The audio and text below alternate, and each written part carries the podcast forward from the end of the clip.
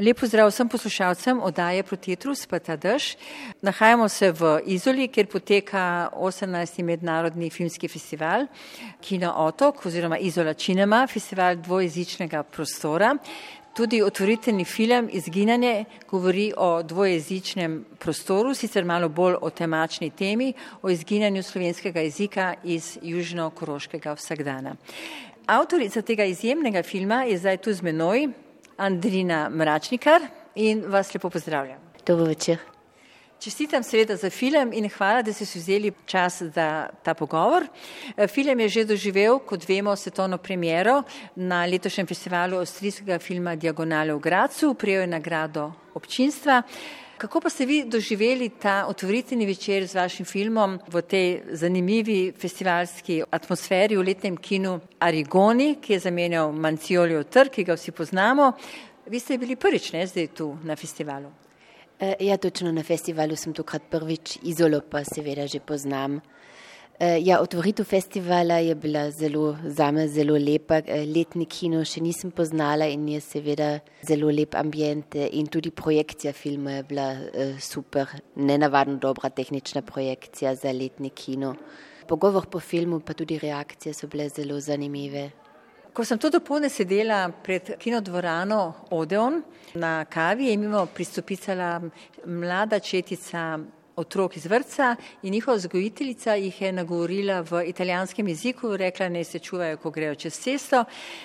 In tu v Izoli, kot vem, je nekaj najbolj običajnega, da imamo italijanske vrtce in tudi slovenske in tako je tudi šolami. Vaš film Andrina Mračnik Izginanje raziskuje osebno, družinsko, zgodovinsko, politično in seveda sodobno dvojezičnost avstrijske Koroške. In kot lahko vidimo v filmu, slovenskega jezika v javnih prostorih že dolgo ni več slišati. Kje se še govori slovensko? Ja, v bistvu, hvala Bogu, se še govori slovensko, seveda v družinah deloma, v nekaterih manj, v nekaterih tudi v družinah se je nehalo in bolj starejše generacije govorijo slovensko in da mlajši ne več, ampak v drugih družinah, kot naprimer v moji, se še govori slovensko. Jaz tudi s svojim sinom samo govorim slovensko, ker to sploh ni tako nujno taka politična odločitev zdaj v tem smislu, ampak je to, kar tudi razlagam v filmu ali pa hočem prikazati v filmu, da je enostavno s tem maternim jezikom toliko povezano in da bi bilo zelo čudno, če bi z otrokom govorila potem v drugem jeziku, tudi če živim in delam na Dunaju. Slovenščino na Koroškem se še govori in je še živ jezik, ampak vedno manj se jo govori in kot ste rekli in kot se vidi tudi v filmu, v bistvu v javnem življenju enostavno ni prisotna in tudi te politične volje ni in slovenska manjšina ni enakopravna in to že sto let zdaj, več kot sto let ni in do danes ni enakopravna. Se pravi, to je seveda tudi velik politični problem. Ampak vi govorite s svojimi starši, s svojo mamo govorite slovensko, ne, s svojim partnerjem nemško, ne? Ja, točno, seveda, mama je koroška slovenka, partner v mojem primeru je tudi producent filma, ampak je Dunajčan, živiva, delava v glavnem na Dunaju in seveda naše okolje na Dunaju je enostavno v glavnem tudi nemško. Čeprav so tudi na Dunaju, moram reči, inicijative koroških slovencev, naprimer igralne ure za ta najmlajše, pa tudi branja in kulturne prireditve in tudi klub slovenskih študentk in študentov je na Dunaju, ki je tudi aktiven. Se pravi, teh inicijativ privatnih oziroma civilne družbe je veliko, ne samo na Koroškem, tudi na Dunaju, tudi v Gracu. Posamezniki so angažirani, ampak seveda bi treba bilo, da bi tudi politika stala za tem, ker posamezniki enostavno ne bodo zmogli. Nimajo te moči, ne? Ne, ne za, za naslednja desetletja, ker če jezik izginja in izginja, posamezniki ne morejo vse to urediti, kar je v bistvu naloga ene države. No, vi o tej tematiki govorite tudi v vaših predhodnih filmih, v kratkem filmu Andri 1924-44, pa potem v filmu Korošec govori nemško. Film Zginjanje, ki smo ga videli zdaj v Izoli na festivalu, v bistvu je nekakšen tretji del te vaše trilogije o zgodovini in prihodnosti slovenske narodne skupine v avstrijskem Koroškem. In ugotavljam, da je ta vaš proces dela nekako, če gledam na ta ta film Andri, ne, to se je začelo tam po letu 2000, to je gotovo zelo zahtevno delo. Ja, 20 let je. Ja. Se ukvarjam v, v mojih filmih z to tematiko, z družinsko zgodbo, z v bistvu, ja, v Dekantno sprich Deutsch, Korošec govori nemško, tudi zelo uh, intenzivno s časom nacionalsocializma, nacizma na Koroškem in v Avstriji. Ampak seveda sem v teh 20 letih tudi delala druge filme, druge projekte, um, naprimer prvi celovečerec Mafoli, uh, ki je ljubezenska zgodba, ki se v bistvu razvije v thriller.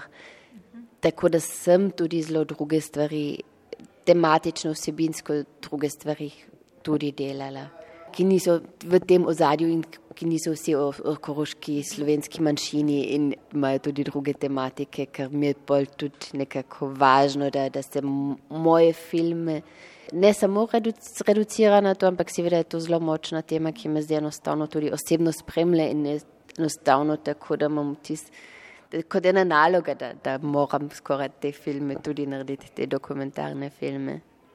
No, vi ste hodili v slovensko šolo?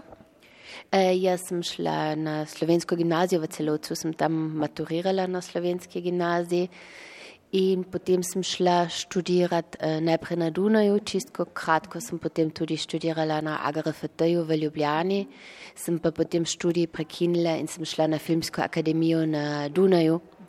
In sem na Dunaju študirala režijo pri Mihaelu Hanekeju in scenaristiko sem eh, študirala pri Walteru Vippersbergu. No, to je gotovo veliko vplivalo na vas, ampak v bistvu se je vaša ljubezen ali pa želja po ustvarjanju s filmom začela tam že v najstniških letih. Ne? Torej, rekli ste mi zanj na kavi, da že pri 13 ste posneli svoj prvi film. Je tako? E, točno, je bila sem stara 13 let pri prvem filmu, ki se imenuje Bobilo, Svetki Vesensen, teda je že dvojezični naslov in to je bil igrani film, približno mislim, 15 minut.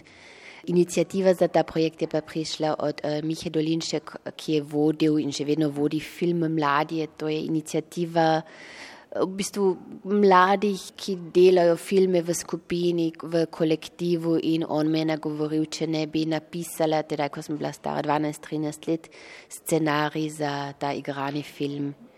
In tako se je to razvilo, ja, moja, uh, ja, moja ljubezna, pa zanimanje do filma in seveda tako je, sem videla tudi, da je to nekaj, kar nekako obvladam, ker je ta film tudi nekako že prejel prve nagrade in potem drugi film, teda sem bila stara 16 ali 16, mislim, večernica Gute Nacht Geschichte, tudi kar nekaj nagrad prejel in seveda preko tega je ta ideja nastala, da, da bi lahko sama režirala filme. Mogoče brez tega, brez te inicijative, ne vem, si mogoče sama sploh ne bi bila tako presodila, ker je bilo zame delati filme vedno tudi nekaj zelo tehničnega in Um, tudi mi ni bilo jasno režija, kaj pa je to sploh. Ampak ko sem videla, ok, tako se učim, tako se lahko dela, to je nekaj, kar mi leži, kar gre. Uh, ja, je to bila super spodbuda. Ja. Vi ste tudi scenaristka, iz tega izhajate in tudi študirali ste poleg režije scenaristiko na Dunaju, ampak tudi ste predavali ne, v celovcu na univerzi o režiji in scenaristiki.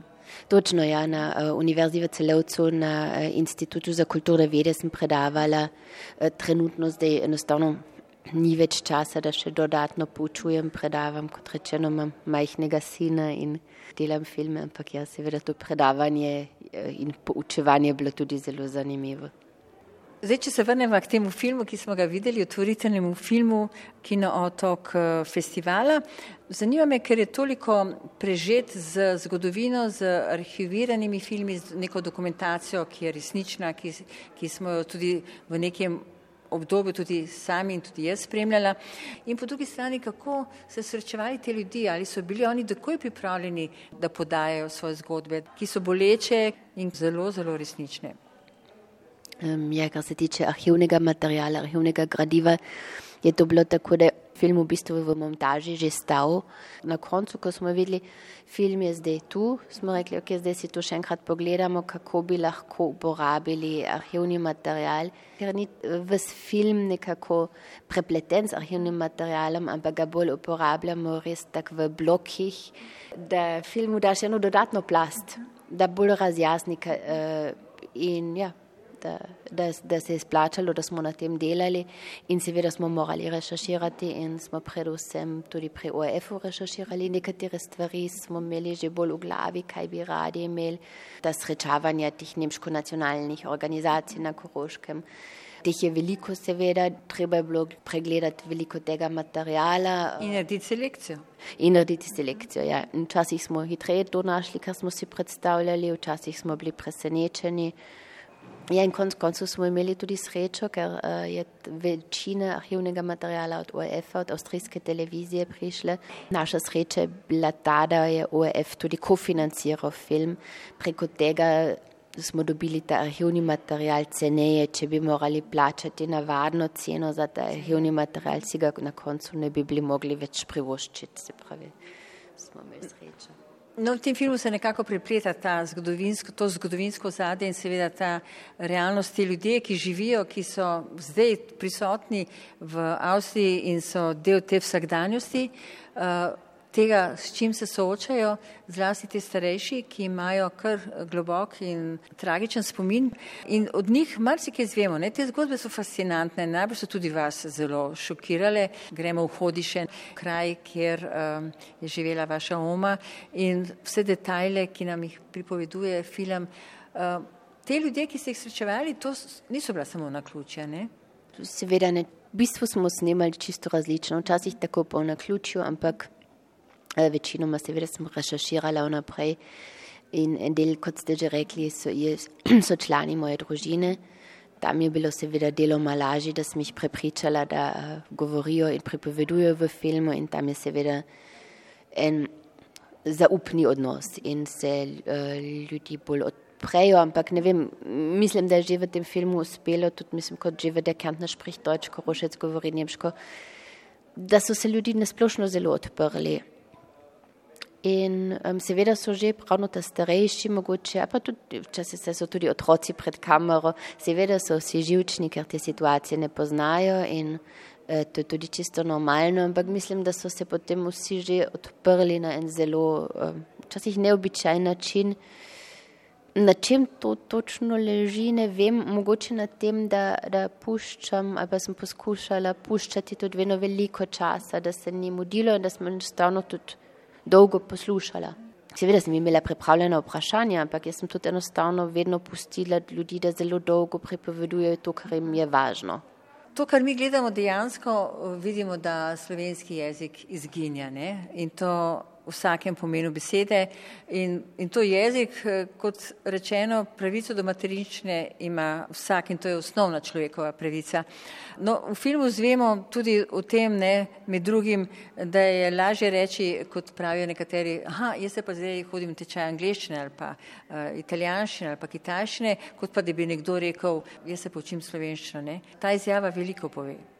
Ja, točno ta izjava eh, pride od moje sestrične v filmu, ki sama tudi reče, da je za njo slovenščina tudi vedno nekako povezana z nekim balastom, ker ima občutek, da je preko slovenščine tudi vedno stigmatizirana. In to veliko ljudi tako občuti. In ta pritisk, asimilacijski pritisk proti slovenski manjšini je bil vedno zelo, zelo močen. Tudi nasilen deloma, tudi z odstafelštomom, pa eh, ljudi so bili pretepeni in um, jim je bilo groženo s tem, da bojo izgubili delo ta pritisk si je težko dan danes predstavljati, ker dan danes ta ni več tako masivno, ampak še vedno seveda obstaja diskriminacija in slovenščina še vedno ne velja kot enako vredna. Tudi zdaj pri snemanju so se mi stvari zgodile, bi človek mislil, to ne more biti res, da je to možno, da na krajih enostavno nisem smela snemati, naprimer, ker so mi rekli, ker sem slovenka, da so nemško govoreči ali pa enojezični proti temu, da jaz tu snemam.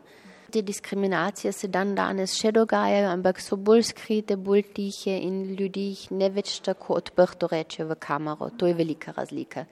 In če jo naprimer opazijo, da kamera ne leti več, da je kamera izklopljena, so kar z druge stvari zaslišati. Ampak ljudi malo bolj pazijo, kaj reče v javnosti. Ampak seveda to je tudi neprijetno, ne tem načinu te diskriminacije, ker je tako malo tako pod roko, tako če, če se ne snema, je tu, ampak uh, ljudi so malo bolj previdni, ampak naprimer sem to tudi še slišala od mladih uh, ljudi, kot je tudi v filmu rečeno, v enem pismu, ta primerjava, vi slovenci ste kot židje stalno nekaj, kot ljudje stalno nekaj zahtevate, stalno hočete nekaj imeti. Take primerjave sem tudi zdaj še slišala od mlajših, tudi dobro izobraženih ljudi. Ja. Tudi ta dvojezični puk, kot pravite v filmu na Koroškem, dobiva šolsko funkcijo ne? in ne več vsakodnevno komunikacijo. Ne? To skoraj težko verjameš. Ne? Ja, žal je tako, da po eni strani je to bil ta močni asimilacijski pritisk. Slovenščina ni enakopravna, ni vina v javnosti, tako da seveda naša slovenščina tudi pri tistih, ki še hočemo govoriti slovensko, tudi pri tistih, ki nam je važno, ni tako enostavno, ker je toliko truda in dela za tem, da si to ohranimo, ker imamo vedno manj priložnosti, s kom bi sploh govorili slovensko, ker če na vasi ni več nobenega, če v ljudskih šolah, če v vrtecih ni več otrok, ki jezik doma še govorijo, vedno težje postaja to ohranjanje. Eh, seveda tudi v družinah, če en del družine ne govori več slovensko. Potem naenkrat se začne družina v nemščini pogovarjati, ker en del enostavno ne zna ali ne zmore več. Tako da situacija je tudi za tiste težka, ki hočejo ohraniti jezik. In seveda tu bi lahko politika proti tem delovala. Naprimer bi bila ena možnost, ampak zelo važno bi bilo, da bi se reformiral šolski sistem. Tudi se ta kvaliteta pouka verificirala, ker ta kvaliteta slovenskega pouka tam, kjer je, ni vedno dana. Naprimer so ljudske šole, kjer se eh, ki se imenujejo dvojezične šole, ko pa otroci po štirih letih še slovenskega stavka ne razumejo. No, ampak je eno dejanje v filmu, ena sekvenca, kjer ena učenka sprašuje drugo slovenščini in tekoče odgovarjate in vidiš, da res govorijo slovensko, ampak potem pa je druga sekvenca, kjer sprašujete, ali bodo po šoli nadaljevali z učenjem slovenskega jezika oziroma če bi imeli željo se učiti in rečejo ne. Ni to, da nimajo želje tisti otroci, ki smo jih spraševali, temveč je to, da je edina pravzaprav šansa, možnost, kjer se po desetem letu lahko reče učijo slovensko na slovenski gimnaziji. To je pa v bistvu popolno slovenska gimnazija in ta je v celovcu. Se pravi, za nekatere je enostavno razdalja do celovca relativno dolga, ker bi se morali voziti z vlakom ali pa iti v dom. Drugi se pa bojijo, pa se starši bojijo tega, da je slovenska gimnazija potem že preveč slovenščine ni pa takih umestnih poti. Je več šol na Koroškem, tudi naprimer v Beljaku ali v, ali v Velikovcu, kjer bi se lahko otroci po desetem letu še učili slovensko. Ali je slovenska gimnazija ali nič. In to seveda to je um, zelo škoda. In tudi če so se otroci do desetega leta slovenščino naučili, se to potem preneha in je vse izgubljeno, žal.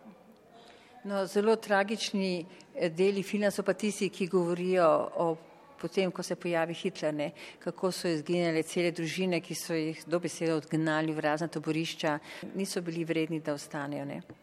Ja, cilj nacistov je bil, da naredijo koroško nemško, da, da bi jo res popolnoma ponemčili. Zato so začeli z izseljevanjem. En največji val izseljevanja je bil leta 42, aprila leta 42. Tedaj so izselili približno tisoč roških slovencev in slovenk v delovna taborišča, ampak tudi potem ni bilo več tega velikega vala, temveč posamezne izselitve, eh, deportacije, izselitve, to, to smo se tako navadili na Koroškem, da, da ta beseda izselitve, aussiedlungen, ki pa pravzaprav to pomanjša, ker se gre seveda za deportacije.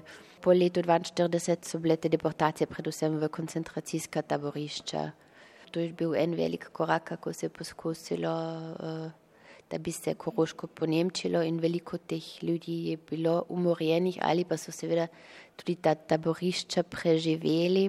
Ampak kar se meni zdi predtem vsem tudi tako, tako kruto in tako neverjetno, kako je po letu 45 se to nadaljevalo ker se s temi ljudmi, ki so naprimer koncentracijska taborišča preživeli, ni tako ravnalo, uh, kot bi si to človek želel ali pričakoval, ampak je bilo rečeno, lahko ste veseli, da niste tu bili, mi smo imeli težko, pa v take stvari, ali pa ste že kaj hudega naredili, da ste v taborišču bili, ste že kaj, uh, je že vaša krivda bila. Naprimer v moji družini, moj stari stric je bil v partizanih in je bil ustreljen kot 20-leten. In uh, družina bila deloma deportirana v delovna taborišča in deloma v koncentracijsko taborišče Dachau. In potem se je pa tako govorilo, kot da je stari stric, ki je bil v partizanih, da so bili to enostavno banditi, da, to bili, da to ni bil politični upor proti fašizmu, ampak da so to bili banditi, ki so pač uh, ropali, uh, požigovali. In to je bilo do, do 80-ih let, v bistvu, da se ni reklo partizani, temveč banditi. In to mišljenje je na Koroškem danes še vedno deloma prezentno, da, da ni tega zavedanja, da je to bil antifašistični upor in da je bil ta upor uh, reakcija na deportacije. Seveda ljudi so šli v upor, ker so videli, da se doma uh, družine pa sorodnike deportira. No, vse skupaj se seveda začne tam po plebiscitu 10. oktober 1920, ko se izjasni številna udeležba voljivcev za Republiko Avstrijo in 41 za takratno kraljevino z SHS. Ne? In to je potem nekako vse potegnilo za sabo. To vaš film odlično predstavlja in je seveda še veliko več. Ne.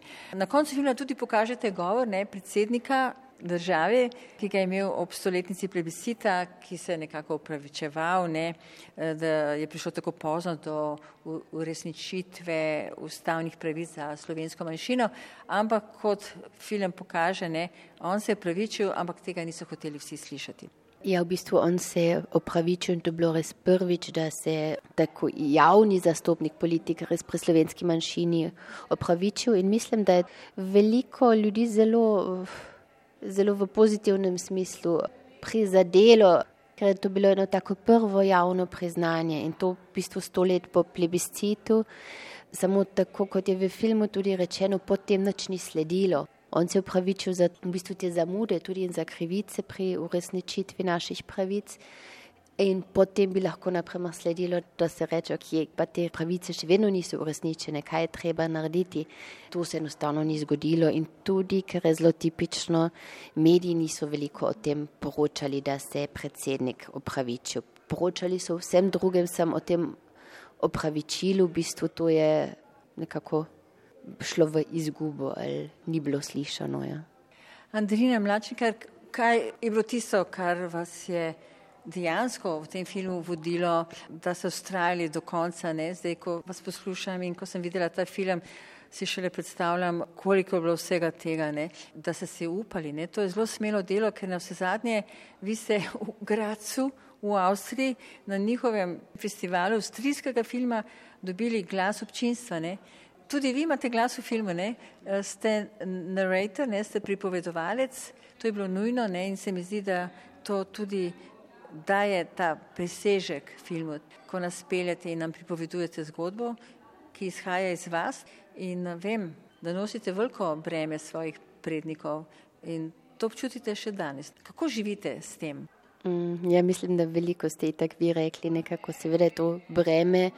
Eh, breme tudi o tem, da so te stvari žal tako neznane v Avstriji in na Koroškem, da še deloma enostavno tega zavedanja ni, da, da je manjšina, da smo še um, preko tega nekako seveda nastane tudi ta pritisk ali pa ta naloga, da se te stvari posreduje.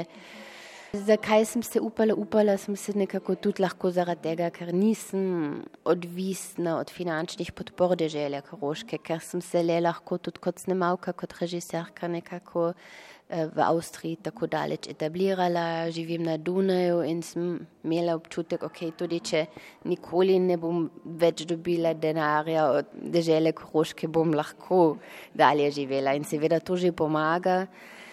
Ja, in tudi drugače sem imela občutek, da se lahko zdaj upam, ker je enostavno, ker se za nekaj gre, ker je važno, ker je važno, da bo povedano in, in reakcije, kakšne bodo, bom že zdržala.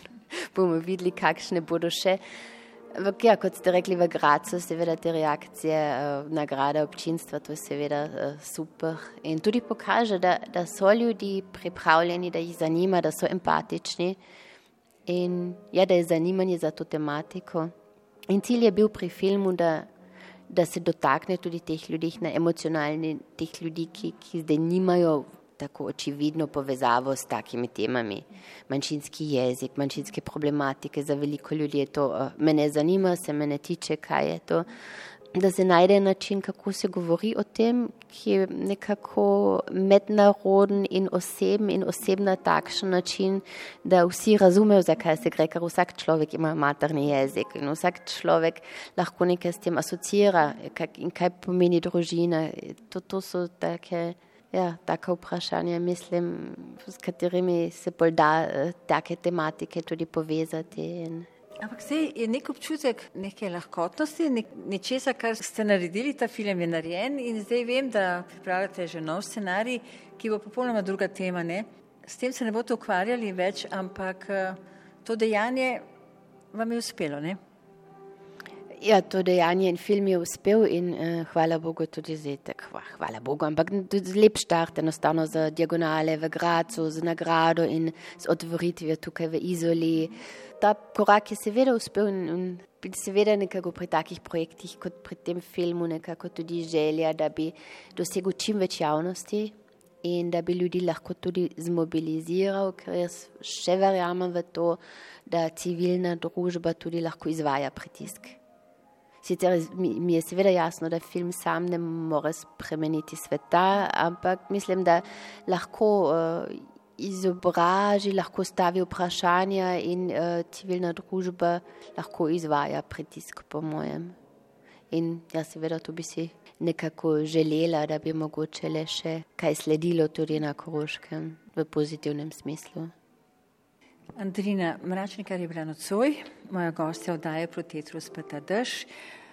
Pogovor je potekal v Izoli, kjer se odvija 18. festival Kino Otok. Andrina, hvala za ta pogovor. Upam, da ga bo videlo čim več gledalcev, da bodo sledili pogovori, debate in uh, nasvidenje do vaše naslednje premijere, če lahko tako rečem. In res hvala za pogovor. Hvala za povabilo v oddajo, me je zelo veselilo. In da ne pozabim, film Izginjanje Fašvinden bo jeseni uh, tudi na ogled v slovenskih kinodvoranah, tako da upam, da si bodo tudi slovenci in slovenke film ogledali. Vsekakor. Hvala lepa še enkrat in lahko noč. Lahko noč.